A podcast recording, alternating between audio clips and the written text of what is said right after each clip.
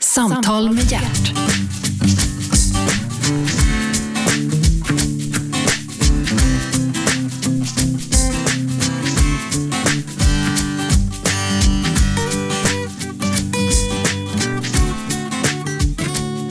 God morgon, du lyssnar på Radio 1, den nya pratradiokanalen utan musik. Ja, det finns ingen musik överhuvudtaget här.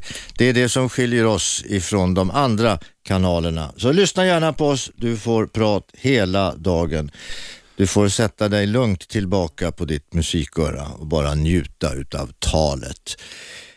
Gert Fylking heter jag, äntligen heter programmet och äntligen är Per Johansson här. Tack så hemskt mycket. Välkommen! Tack! Då undrar vem av ordning, vem fan är Per Johansson? Ja, det är ju frågan. För Nej. det finns ju många menar jag. Ja, det finns jättemånga eh, med Johansson och som heter Per. Eh, jag är en kille, en man som är 41 år och kommer från Delsbo från början, fyra mil utanför Hudiksvall och eh, sen flyttade jag till Hudiksvall och nu är jag här. Ja, det, det var den korta historien. Ja, Jag är, alltså, jag är uppvuxen i en liten by som heter Delsbo. En, eh, men lit- Delsbo känner vi från Delsbo-stämman. Det är Ja. det det är mest eh, känt för va? ja, det är väl... eh, En spelmansstämma. Den är jättebra och så är det en sån här förstämma dagen innan och eh, då tar man fram dunkarna och så är det hembränt och fiolspel, alltså dygnet runt, så man eh, vill inte höra fiol efter den stämman. Tills nästa år. Nej, eh, och den har jag gått på sedan jag var jätteliten. Mamma kokade eh, Brännvin. sylt. och- Nej, inte, inte brännvin. Eh, Hon, eh, jag var, ostkaka äter man ju på den här stämman. Ja, ja, Mm. okej. Och där är jag uppvuxen. Eh, Jag är uppvuxen med föräldrar och en bror i ett väldigt tryggt samhället. Jag visste ingenting utanför Delsbo. Det var lite Truman Show över det där. Eh, När vi åkte till Hudiksvall som, låg, som ligger fyra mil utanför för Delsbo så tänkte jag att nu åker vi till månen. Så långt kändes det som. Mhm. Och Det enda som var farligt där, det var de som hette Kackarna. Och det var alla gröna vågor som flyttade till Delsbo under 70-talet och de fick inte jag gå nära. Varför det? Därför att de, eh, alltså det, det är roligt med fördomar, de, de kunde vara farliga och så kunde de lukta illa. Och så hade de ju såna stickade kläder så att eh, om man skulle använda all stickat garn så skulle man kunna värma upp hela jorden tror jag, i 400-500 år. Men du, eh, du växte upp i väldigt trygga förhållanden alltså? Ja, Mor och far och syskon? en brorsa. En brorsa, äldre eller yngre? Eh, Äldre. Ja men det var väl bra, så fick du bli ännu mer omhuldad och, Ja. och väl... De kallar mig för Lill-Per hela tiden. Jag var, den här, jag var väldigt kort och eh, mammas pojke och brorsan och jag har inga liksom, likheter. Han är tyst, lugn, tekniskt och jag är eh, åt det helt andra hållet. Oteknisk och framåt och pratar mycket. Du, och så gick du i skolan?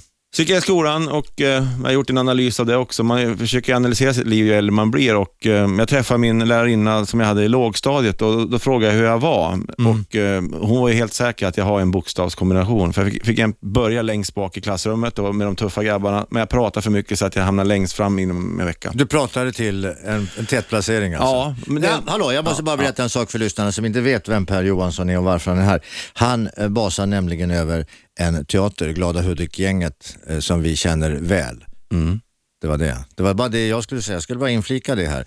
Eh, du flyttade fram i klassrummet. Ja, Du, blev upp, eh, du fick lärarens ögon på dig. Ja, men jag tror, jag tror inte jag var liksom eh, stygg på något vis. Jag tror jag var väldigt rörlig bara. Men, och sen, det enda som fick mig lugn, det var när fröken hade högläsning. Då brukade jag lägga mig på min vänstra arm och lyssna och det var liksom högtidsstunden. Vad bra. Ja. Läste du själv sen? Kom du själv att bli bokläsare? Nej, jag är inte någon större bokläsare. Jag, jag lyssnar på väldigt mycket ljudböcker och eh, min största bok, nu låter det här väldigt filosofiskt och ganska kanske töntigt, men eller liksom är själva är människor i livet. Så jag flyger runt som en geting och försöker möta människor hela tiden och få deras historier. Det tycker jag är mest intressanta och få det live. Mm. Och, och Men du, geting tycker jag det är ett obehagligt ord i sammanhanget. Därför de, de, är ju, de har ju en stor gadd i- i röven som de ställer till elände med. Ja, fast jag tror jag inte gör det. Att jag, Men kan du inte vara en fjäril istället Ja, då? kanske en fjäril, men jag, jag, jag ser mig mer som en, en humla kanske. Ja, men men geting, ja du, du har väl rätt, de är ettriga? Är, det- är de Ja, jag, jag är är, fruktansvärt ettrig. Ja. Och när, när jag ger mig liksom den på att saker ska vara så, då, är jag, då, då kan jag liksom gå över eh, ja, hur långt som helst. över ån efter vatten? Ja, precis. det har jag gjort många gånger. Du, eh, dels på som sagt, ja, och det här musikaliska dels på arvet, fick du med dig någonting utav det? Nej, jag började spela blockflöjt som alla andra, men liksom, det var Mm. inte, jag ville spela Det var den trummor. där, köp varm korv. Ja.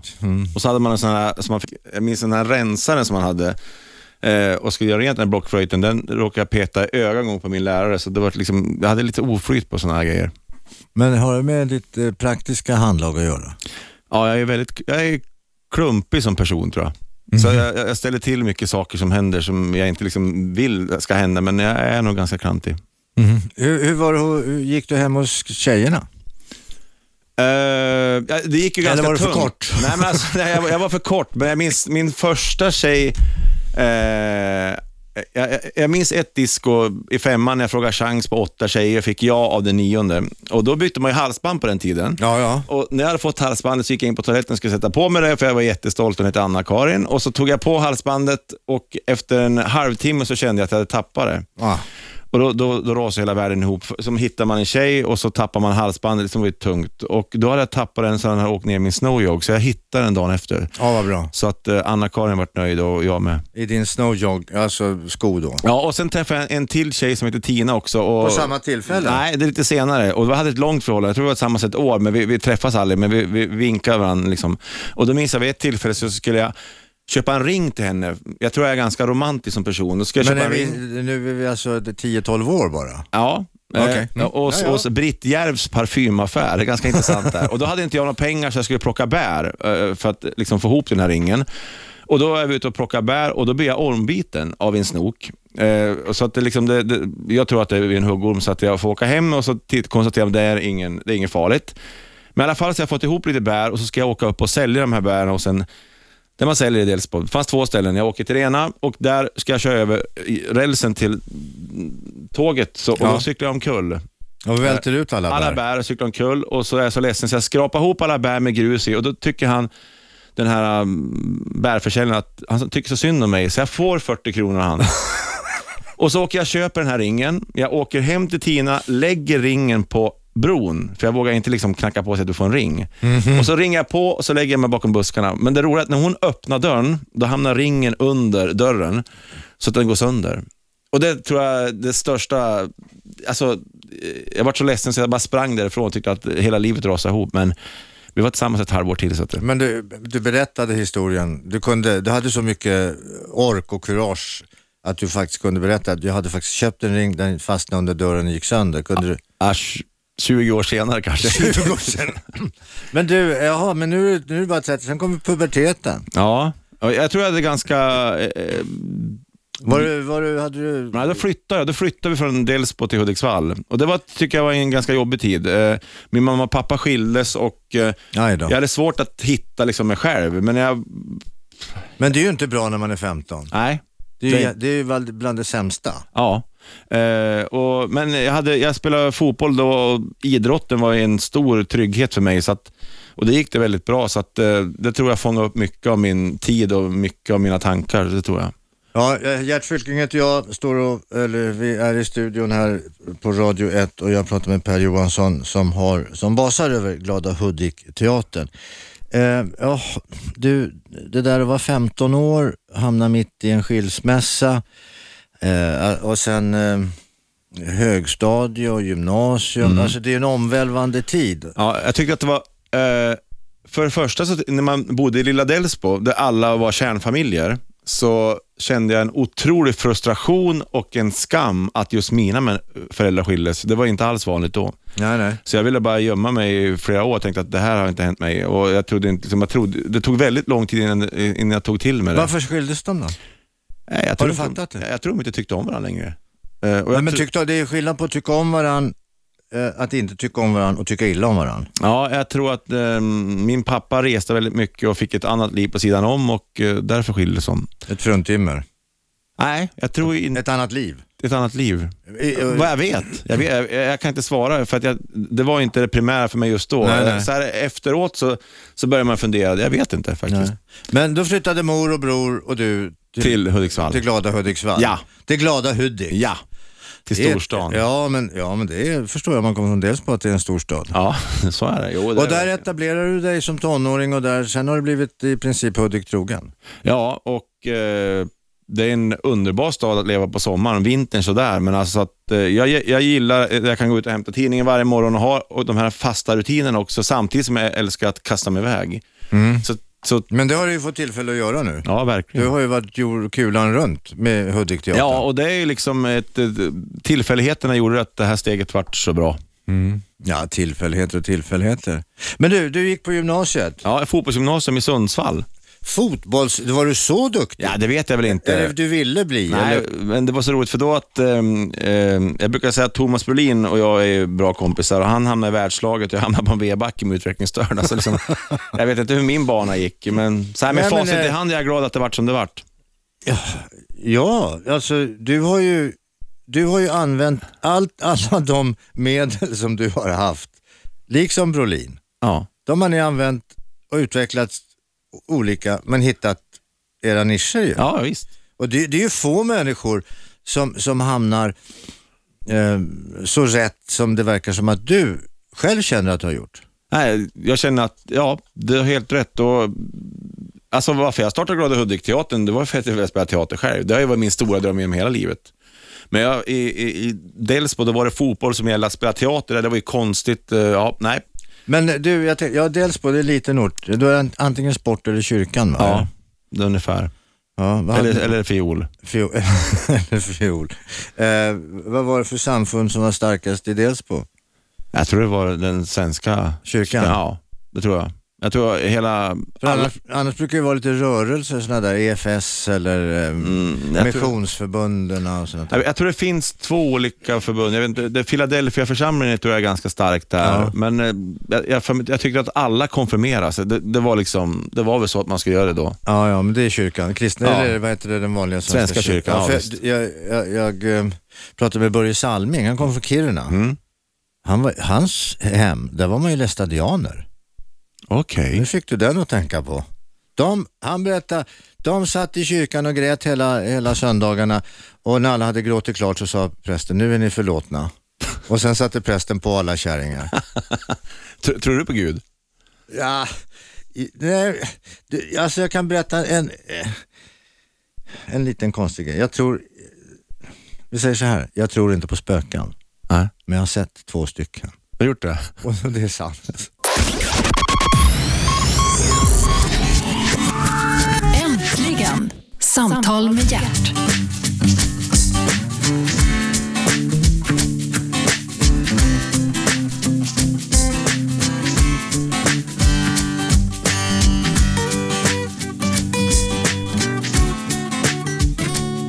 Välkomna tillbaka, Gert Fylking heter jag. Du lyssnar på Radio 1, den enda pratradiokanalen och eh, gäst i programmet Äntligen har vi Per Johansson från Glada Hudik-teatern. Välkommen! Tack. Du berättade här att du föddes upp och växte upp, gick dina späda koltår på, på stigarna i och kring Delsbo. Fick så mycket fiol i öronen så att det rann vax. Ja, verkligen. Fan, du kan ju det här. Det är, det är riktigt sådana här ordvitsare. Ja, och sen, men fiol var ingenting för dig, det blev blockflöjt. Ja, det började på Men jag fick också en fiol måste jag säga, som jag lämnade till Tore Herdelin, en riksspelman. Ja, ja, det vet jag vem det är. Det här var 1984 fick jag den fiolen, så gav jag till han, han skulle laga den. Jag har inte sett den än, så kanske det är ett långt projekt för han. Ja, ja, ja men du vet, du vet en Delsbo-fiol. Ja, det tar tid, det är som Stradivarius. ja det, ja, det är så. det känns så. Ja, det känns så och det blev så.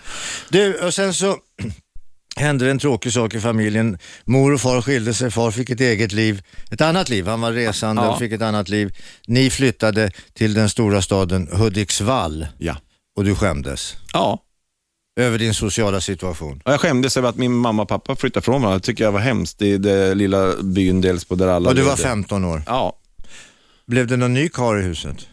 nej. Vad Mm. du vet. Nej, det blev det inte.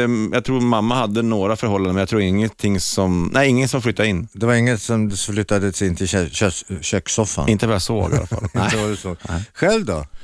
Eh, om, om jag hittade någon ny karl? Nej, det gjorde jag inte. men- Nej, nej, nej, nej, hallå, jag har inga fördomar Nej, Per, nej, det- absolut nej, inte, det vet jag. någonstans. Ja. Eh, nej, men eh, du, du, du började spela fotboll Ja, ja, och jag- gick på fotbollsgymnasiet Ja. i den ännu större staden Sundsvall Ja, precis. och var kompis med Thomas Brolin. Ja, och där, där, där hade vi en, en rolig anekdot för att vi hade två, eh, vi har fortfarande nä, väldigt nära kompisar, de heter Stefan och Stefan som drev ett ställe som heter Privé.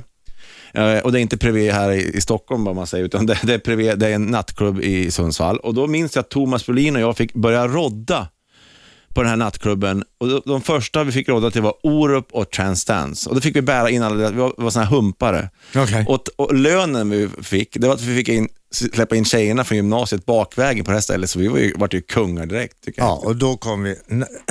Blev det mycket ligga? Nej, det- inte, inte så mycket faktiskt. Eh, inte, inte vad jag kommer ihåg, men alltså vi fick, vi vart, fick en, man vart en statushöjare. Man ville gärna vara kompis med dig. Ja, för att jag kunde släppa in dem bakvägen, men sen fattade jag kanske, det kanske bara var för att de fick in bakvägen, men eh, några dejter fick man väl. Ja, Men det var tungt jobb alltså att bära alla de här casearna fram och tillbaks. Eh, ja, och det, det var vi, vi, lättförtjänta vi, pengar. ja men vi vill gärna tillägga här att, eh, och du sa det själv och det är därför jag har möjlighet att upprepa det, du är kort. ja. Du ser inte sådär jättekrallig ut. Nej. Och när man ska kana runt med stora förstärkare och, och tunga högtalare, då är det jobbigt. Ja, det är grymt jobbigt och, och en trång gång var det väldigt jobbigt, verkligen. På Privé i Sundsvall. Ja, kom ihåg att Privé har en annan benämning i Sundsvall än här. Ja, ja, men same same, but Ja. different. Ja, precis. Du, ja och sen, sen så, det här med fotbollen, hur långt kom du med fotbollen egentligen? Nej, jag, jag, eh, jag spelar ju då i GIF Sundsvalls elitlag, alltså för juniorer och... eh, Deras utvecklingslag så att säga. Ja, Ja. ja. Och vi var ju till Rom. Eh, En fantastisk resa till Rom där vi hade Gunnar Nordahl som reseledare. Oj då. Och då fick vi träffa påven. Nähä. Jo, Ja, och- vilket, vilket var störst i Italien? Är det påven eller är det Gunnar Nordahl? Gunnar Nordahl. För när vi kom in till påven där, alltså vi hade en sån här privat audiens. Ja. Och då får man gå liksom med vakter och jag tyckte påven sådär, eh, som 16-17 år, vad tycker man då? Ja, då satt han ju där och körde, liksom, körde på åtta olika språk. Men när han såg Gunnar Nordahl, Ja. det var som att se ett litet barn liksom, han flög upp, liksom, han har varit som en, en ungdom och det visade att påven var gammal polsk fotbollsmålvakt. Det visste du inte? Nej. Nej. Men jag vet, det, vi- det visste jag inte, men jag vet hur stor Gunnar Nordahl var i Italien och eh, när han dog, det gjorde han ju hemma här i Sverige. Ja. När budet kom så hade de ju en tyst minut i Italien. Alltså det är stort. Mm. ja. Och det, det var så Det är ju stort. bara presidenter och, och, och eventuellt kungar som, som kan få sådana Ja, och, och när vi gick på gatorna där liksom, i Rom, minns jag, när, så fort vi kom in på en restaurang och Nordahl var med, då, då bjöd liksom, he- alla vart bjuden. För han var liksom, Ja, men han var kungen. ja, ja det var en och jag häftig tror inte vi har upplevelse. fattat hur stor han var. Nej, Nej det... Ja, jag känner ju Thomas Nordahl, hans son. Eh. Mm. Och han får ju samma mottagande. ja. Han har ju i och för sig också varit duktig och spelat i Italien och så vidare, men, men fy fan, alltså den där kedjan, Gren och Li, Ja. eller den, den ja. Det, Men kolla, det det är också intressant att kolla på fotbollens ut, utveckling. Alltså från, man säger att man ska jämföra vem, värst, bästa spelare genom tiderna. Det är totalt omöjligt. För ser du tempot 58 och tempot idag, så det, fin- det är inte samma typ av sport. Nej, det är det inte. Och vet du, vet du VM-finalen på Råsunda, vet du vem som där? Du. Sålde VM-nålen. VM-nålen en krona, ska farbror ha en VM-nål? VM-nålen en krona. Det var Barningsdagsgeneralen Göte Göransson som hade givit mig det hedersvärda uppdraget. Hur Så jag- gammal, hur gammal var du då? 13. Så jag gick på alla matcher och fick se finalen. Stort. Mycket stort. Men du, tror inte du Nacka var större i, i Italien? Eh, var inte han den bästa spelaren vi har haft där? Han var den mest spektakulära, han var, nej, han var ju showare. Ja. Han var ju showare. Nacka var ju showare. Det kan man väl kanske inte beskylla Gunnar Nordahl för att vara. han var väl Och det är klart att då blir man ju lite, men så gick det ju, och- men jag tror inte att folk gillar att folk super ihjäl sig. Nej. Jag tror inte det. Alltså det, Nej. det, drar, det blir en liten solkig Sorti. gloria. Ja. ja, det blir det faktiskt. Men nu ska vi inte prata om det, men det var du spelade alltså. Per Johansson, numera chef för Glada Hudik-teatern, spelade fotboll som junior i Giffarna Sundsvall. Ja. Och sen flyttade jag hem till Hudiksvall efter fotbollsgymnasiet, för min karriär gick ju inte lika bra som Thomas. Han stack ju till Norrköping och sen drog han till Parma. Och jag drog till Hudiksvall, till Hudiksvalls ABK division 2. Mm. Så, eh, ja, så gick min utveckling och där vart jag kvar.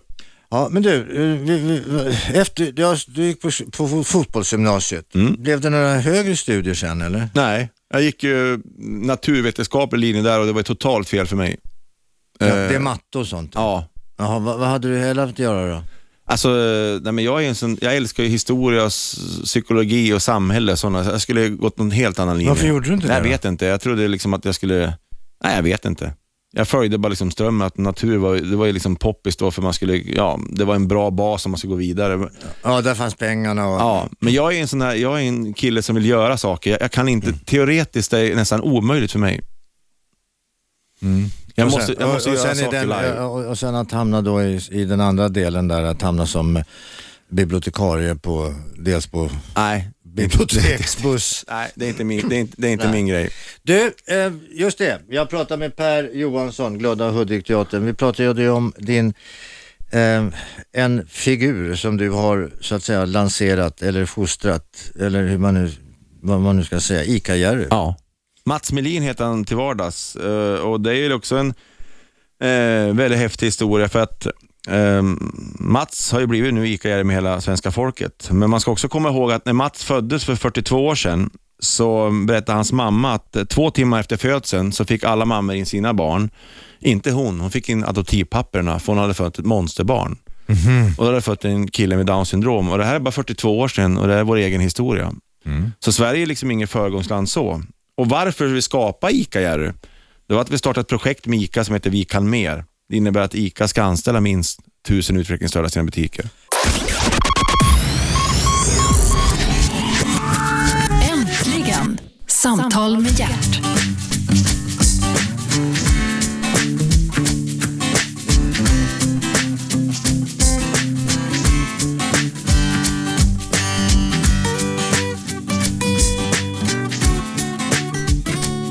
Välkomna tillbaka och lyssna på Radio 1. Gert Fylking heter jag, programmet heter Äntligen och äntligen är Glada Hudik-teaterns skapare Per Johansson här. Hur känns det? Känns underbart. Ja, du har vandrat en lång väg från eh, en liten, liten gata i Delsbo via Hudiksvall Ja. till Sundsvall.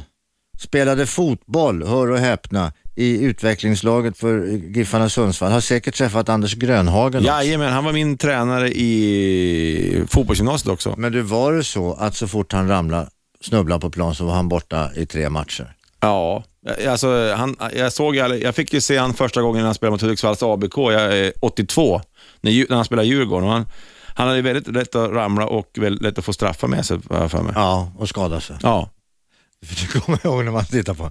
Nej, nej, nej, nu ramlar han, nu är han borta en vecka eller två. Är du djurgårdare? Nej, nej jag, jag bryr mig inte om det där. Jag, ty- jag, hat, jag går inte på fotboll längre. Jag har tagit avstånd ifrån det. Jag gillar inte huliganismen. Nej, Äh. men vad beror det på då? Ja, det vet jag inte. Nej. Det, jag, jag tror att det beror på, på två saker. Dålig uppfostran hemifrån, skit rinner neråt, det är det ena. Det andra är att, att eh, de får så otroligt mycket uppmärksamhet. Och vad, vad allmänheten och pressen inte förstår, tror jag, det är att det är just genom att ge dem det här utrymmet, sida upp och sida ner, bilder på dem, filmsnuttar på dem, rapportage, reportage kring dem. Det gör ju att de finns. Mm. Då, ex- då existerar de, då har de ett värde. Mm. Och sen, tjejerna älskar de här alfahannarna. Ja, det Är, är, det tragiskt. några som får göka? Är det de? Det blev inte du, det blev Nej, inte jag. nej. Men det blev de som slog ihjäl några personer på Råsunda. Det är hemskt.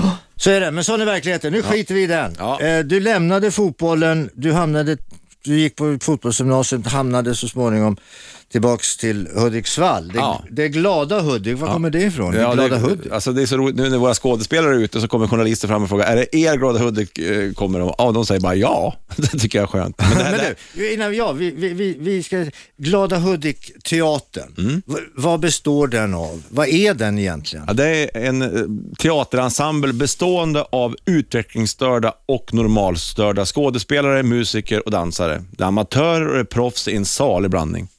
Och utvecklingsstörda, eh, det, det är typ i ICA-Jerry? Ja, vi det, ja, pratar- det, det är människor med, alltså, som har en diagnos, så att säga. Och, och Ica-Jerry Mats, han eh, har ju Downs syndrom. Han eh, är inskriven enligt en lag som heter LSS och därför så är han med. LSS, lagen om... Eh, särskilt stöd och service. Okej. Ja, och där kom han med i, i den här ICA-reklamen och eh, blev otroligt populär som pryo där. Ja, ja han är, han är, och nu är han en fast del av det här, men det intressanta, eh, vi startade ett projekt med ICA där de ska anställa utvecklingsstörda i sina butiker. För vi- jag eh, är ju en, tror att, att en av samhällets viktigaste uppgifter är att hitta en plats till alla. Och det, har vi, det lyckas vi inte med. Och då tänker vi att det är bättre att man får vara duktig och ställa upp burkar rakt i en hylla än att ha någon identitet alls. Mm. Men det gick ut med det här projektet i media, där har vi hoppats på en livlig debatt om utanförskap och integration som är så populärt och mångfald, men det hände ingenting. Därför skapar vi Jerry. Och jäklar i min låda när första Men du, filmen jag, kom. f- förlåt, jag tänkte på det där som du sa. Du, jag tyckte att du sa något väldigt viktigt nu. Att det är viktigare att skapa ett tillfälle för folk att stapla burkar så att de står i en rak linje Ja. än att inte ge dem en uppgift överhuvudtaget. ja. Där är politiskt sprängstoff. Mm. Men jag tycker, jag tycker att det är så. Jo, jag tycker jag håller helt med dig. Men att då, att, att du går ut till facket eller vilka det nu är och och säger, du, vi, vi vill, de här människorna, är det något de kan så är det att stapla burkar och det ska de göra. Då, då kommer pressen och så skriver de så här. Facket tvingar människor att stapla burkar. ICA tvingar utvecklingsstörda att eh, sopa golv och, och eh, stapla burkar för mindre lön. Ja, men jag tycker, så här, jag tycker att det är bättre att man får riktigt duktig på det än att inte liksom, vara duktig på någonting alls.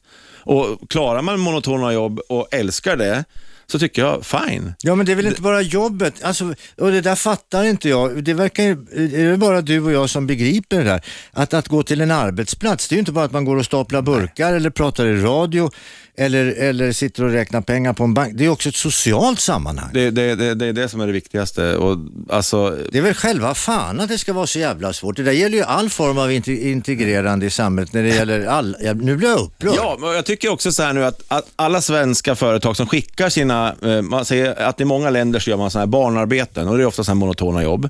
Och i Sverige ska vi vara så oerhört präktiga att det, det- vi får dåligt samvete, man ska inte göra sådana jobb. Jag tycker, ta tillbaks alla sådana jobb, för att idag ser jag människor som år efter år går på sådana åtgärder, de ska hitta ett jobb, man ska ut i samhället, man skriver massa fina utvärderingen, Arbetsförmedlingen gör utvärderingar, hur många snickare som är arbetslösa, ja det är jättebra.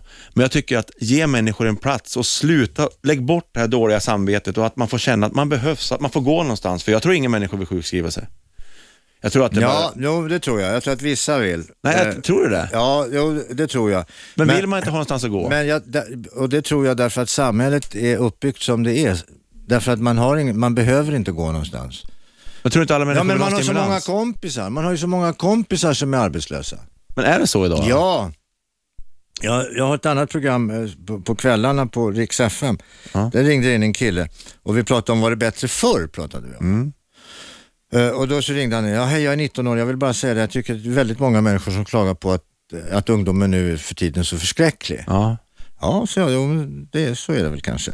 Ja, ja, jag är själv ungdom, sa han. Ja, hur gammal är du? Jag är, jag är 19 år. Jaha, vad gör du då? Nej, jag har precis fått jobb. Jaha, vad roligt. Ja, jag har fått en praktikplats på ett el, el, elfirma. Ja, men vad roligt. Du, hur många, hur många eh, av dina kompisar jobbar då? Ja, vi var 18 stycken som gick ut kursen. Hälften jobbar. De andra då? Va? De andra då? De andra åtta? Nej, men de vill inte jobba.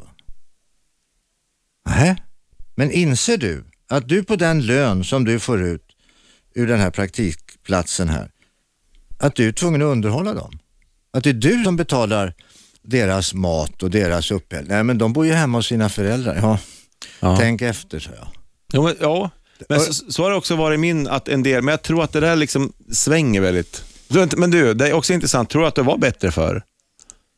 Ja, det tror jag. Många stycken tror jag det. Men, Ja. ja, Alltså jag tror, nej, men, nej, alltså inte, jag tror att det var bättre förr därför att jag, jag tror att, att eh, människan kunde nöja sig bet- med, med mindre grejer. Va? Människan kunde nöja sig och vara mera nöjd med sin lott. Idag, eh, jag såg på TV, idag har vi alltså eh, fj- i genomsnitt har vi 13 elektronikprylar per capita Ja. och vi ägnar fem och en halv timme per dygn åt dessa teknikprylar, inklusive då mobiltelefon också Mm. Ja. som vi lägger ner mycket tid på. Så jag, att, tror, jag tror också de här mobil, alltså de här teknikprylarna, främst datan och internet, gör att vår fantasi blir hämmad. För ja, jag- och så jag- säger man också, vad fan, åh det finns så många möjligheter på internet. Ja, Mm. det, allt finns på internet. Ja, men har du, inte en kun, har du ingen kunskap, då vet du inte heller vad du ska söka. Nej. Och det är det jag tänkte, när man fantiserar förut om sådana fotbollsspelare. Jag fantiserar liksom alla, när man köpte sådana här klippböcker, man fick köpa man fick köpa på mm, kiosken, eh, såna här bilder man fick klistra in. Då hade jag liksom långa fantasi hur bra de här spelarna var och vilka egenskaper de hade, men idag kan du ju bara slå fram det på en sekund.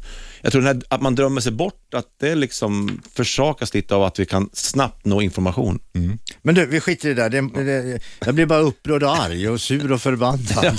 Jag, nej men jag brinner för grejer som, som, som liksom är, är, eh, där man har med människor att göra. Man tilltror människor, man tror på människor, man försöker göra vad man kan för att hjälpa folk att komma till rätta och se, framförallt att se människor omkring oss. Att titta på dem, säga hej till dem. Ja. Det gäller ju alla människor. Ja, visst så är det. Alla människor, alltifrån de, de sämst lottade i uteliggarna, Då ska man veta att uteliggare, de föddes inte där. Nej. Mm. De hade ett liv innan.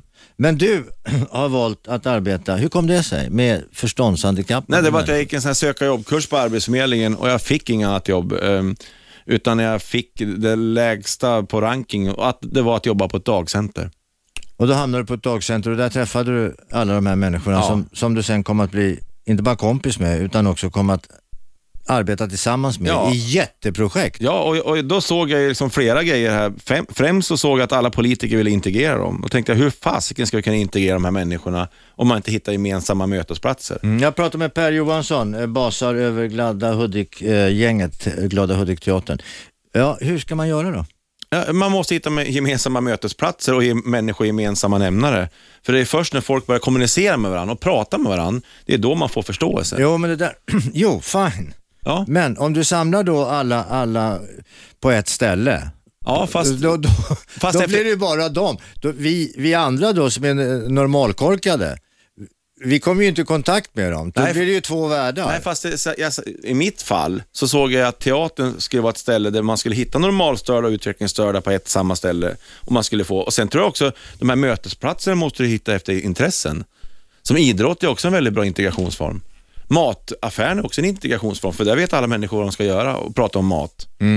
Så att det gäller att vi lyfter fram de här sakerna som, vi behöver inte uppfinna djuret två gånger. Det finns ju väldigt mycket mötesplatser, men att man stannar upp och att man ger människor chans att mötas Jo, och göra men det, det okomplicerat. måste ju vara det som, för, för jag vet att det, det finns ju de här dagcentren. Ja. Och där, ja, de sitter ju där och gör sina små, små skärbrädor och, och Ja, ja. virkar Ja. sina små korgar och allt vad det är Men där. felet är ju att, att alla omsorger i Sverige, nu, säger, nu ska man inte generalisera. Jo, men må- generalisera, älskar jag. Ja, ja. Men må- omsorgen i Sverige, vi har sagt att vi har sekretess och det innebär att man inte får prata om människors journaler, vad de har, va, va, varför diagnosen är som den är. Men varför vi har blivit segregerad, alla omsorger säger jag, det är att vi inte vågar prata om vårt jobb. Vi måste ju öppna upp dörrarna bort med alla kortläsare och visa att här är vi. Eh, Gör man inte det och släpper in människor, då, hur fasiken ska man få förståelse då? Det går ju inte. Nej. Nej, det där är bra. Det, jag, jag, alltså, jag, på, på något sätt så undrar jag, alla de här beteendevetarna och alla de här eh, liksom experterna och alla de här psykologerna och alla de här som sörjer för våra själar och så vidare. Mm. Det finns ett jävla bra ord. Vakna. Och, eh, möt verkligheten. Ja. Om det Så är det här- jag menar. Så, här ser det ut, så här ser det ut idag och det, vi måste faktiskt... Och, och, vi säger att i, i Sverige är vi väldigt bra på integrationsfrågor. Varenda företag jobbar med mångfald. eh, Ja, men på värdegrund. Ja, pappret, på pappret. Ja, jag säger det. Men och, vad jag vill säga, det är att, att, att Sverige har tagit till sig de här budskapen i teorin. Men det är först när man tar till sig det emotionellt, när man når innanför de här alla skalen vi har, det är då förändring sker. Hur var det förr tror du? Alltså på, in- och nu menar jag förr förr. Ja, förut så tillät man ju byfånen finnas på arbetsplatsen. Han eller hon var inte så produktiv, men ofta det här sociala kittet som höll ihop människor. Idag när vi rationaliserar, de första man plockar bort var ju de. Eh, och de här människorna tror jag har, liksom, det är ingen tillfällighet att de blev så här. Jag tror att de, de, är, de finns, utan att bli religiös här nu och tro på hur människan uppkom, men de, de, det här är en del av samhället. De här människorna ska finnas till, för att de här människorna överbrygger eh, saker som inte vi tror är möjliga. Äntligen! Samtal med hjärt.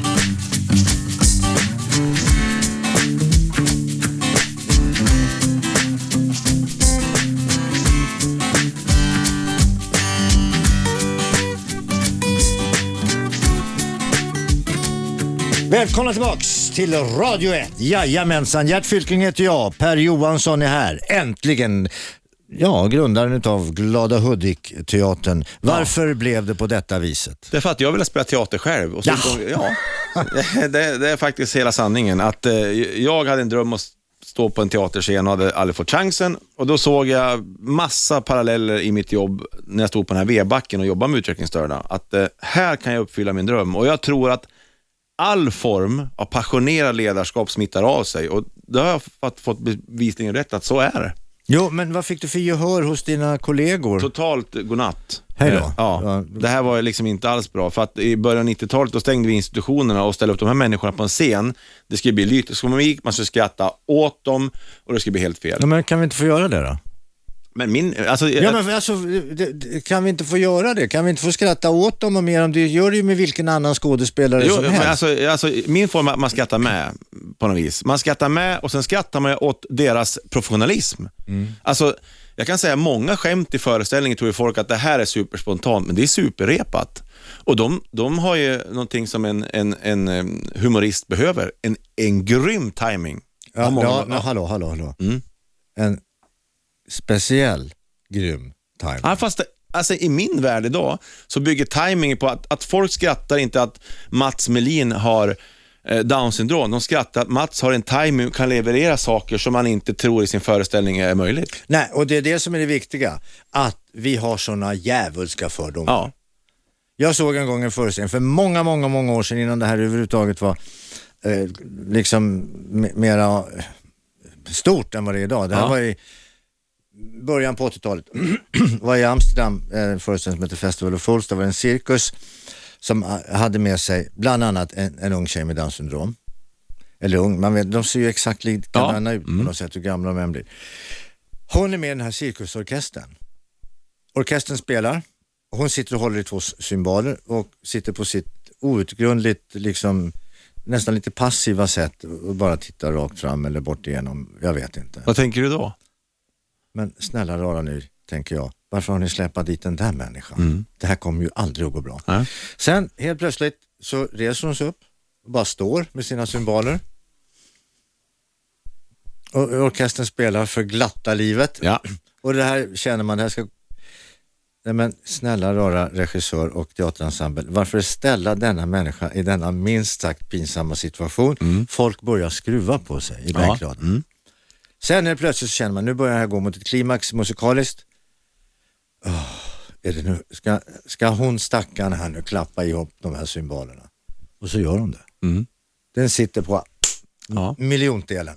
Naturligtvis. Ja. Alla våra fördomar på kommer på skam. Det blir ett jubel. Ja. Det blir ovationer. Bara på detta lilla symbolslag. Eller lilla och lilla, men det var klangar ju ordentligt. Helt meningslöst egentligen. Men folk förlöstes i det här.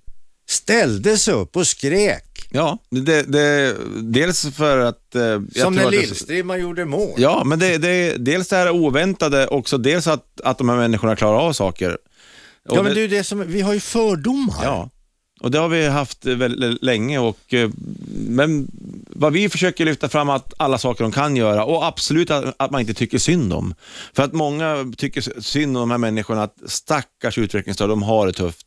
Jag kan säga, de är människor precis som dig och mig, fast de har olika saker som de inte klarar av. Men då är de själva medvetna om sitt handikapp. Ja, det kan jag säga att i vår ensemble så av 28 stycken så är eh, 26 inte medveten. För jag ställer, det är en intressant fråga, för jag ställer en fråga, ja, det var ett halvår sedan jag frågade så här, är det något fel på er?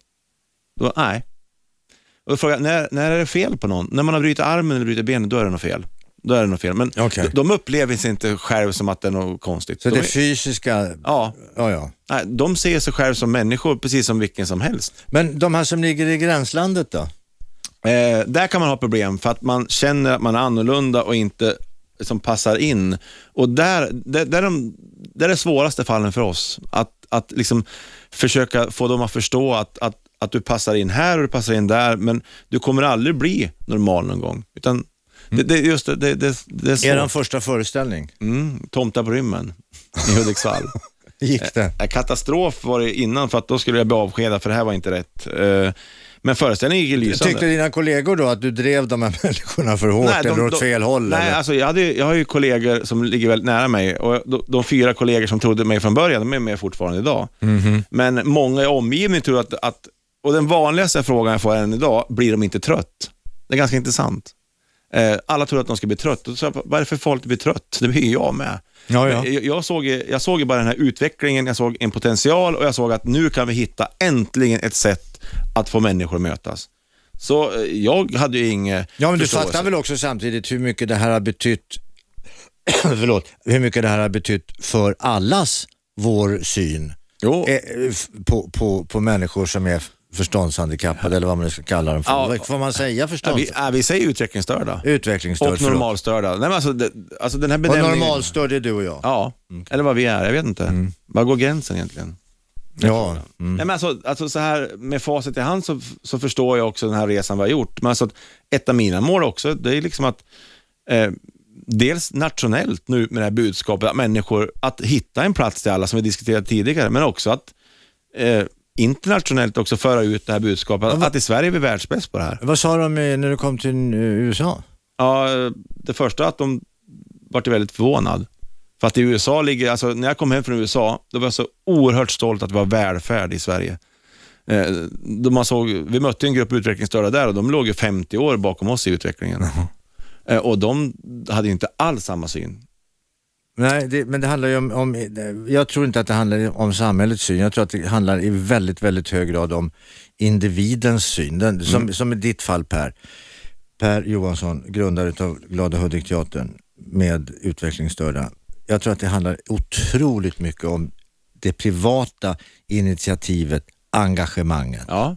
Det handlar inte om samhället. Du, därför du var ju, dire- du var ju, säger du ju själv alldeles nyss, direkt motarbetad av, mot, från, från, från, din, från samhället. Ja, fast, fast de har ju vänt idag. Jo, men Jo, det var ju fast- tack vare att du bevisade att det, f- det, det, det går. Ja, jo, jo, så är det ju. Och framförallt också att det, det är lätt som ledare att man blir framburen och hyllad nu, man får massa priser. Men eh, i mitt fall så har jag ju hittat väldigt ambitiösa medarbetare som gör det här möjligt. För att eh, skulle jag eh, få driva det här själv liksom i, som jag ville så skulle det säkert bli tusen mer fel på vägen. Men nu har jag människor som hjälper på samma håll. Per, om man nu vill höra dig berätta om det här och din, dina metoder och din metodik, Mm. eh, hur, hur gör man då? Ja, men jag har ju massa föreläsningar. Jag har ju stor förmån att åka runt och prata om min livsåskådning, mitt livsverk och eh, min syn. Så jag åker ju runt och föreläser på olika håll. Och det, Och var hittar man dig då? ja, då hittar man på, jag har en hemsida som heter parj, jag stavar per med ä, eh, .se och där står det liksom vart jag åker runt och det är ju jätteroligt. Men framförallt så är vi ute på Sverige-turné med teatern nu och avslutar Elvis, så att det är ju en, Eh. Den måste. ja det är ett måste. Tack så mycket Per Johansson, grundare och drivare utav Glada Hudik-teatern som har gjort så väldigt mycket. Inte bara för mot utvecklingsstörda, det är det marginella, utan för alla oss andra. Vår syn, våra fördomar har stuckits hål på när det gäller utvecklingsstörda. Tack så hemskt mycket Per för att du kom till Radio 1 Tusen denna tack. morgon. 101,9. Radio 1. Sveriges nya pratradio.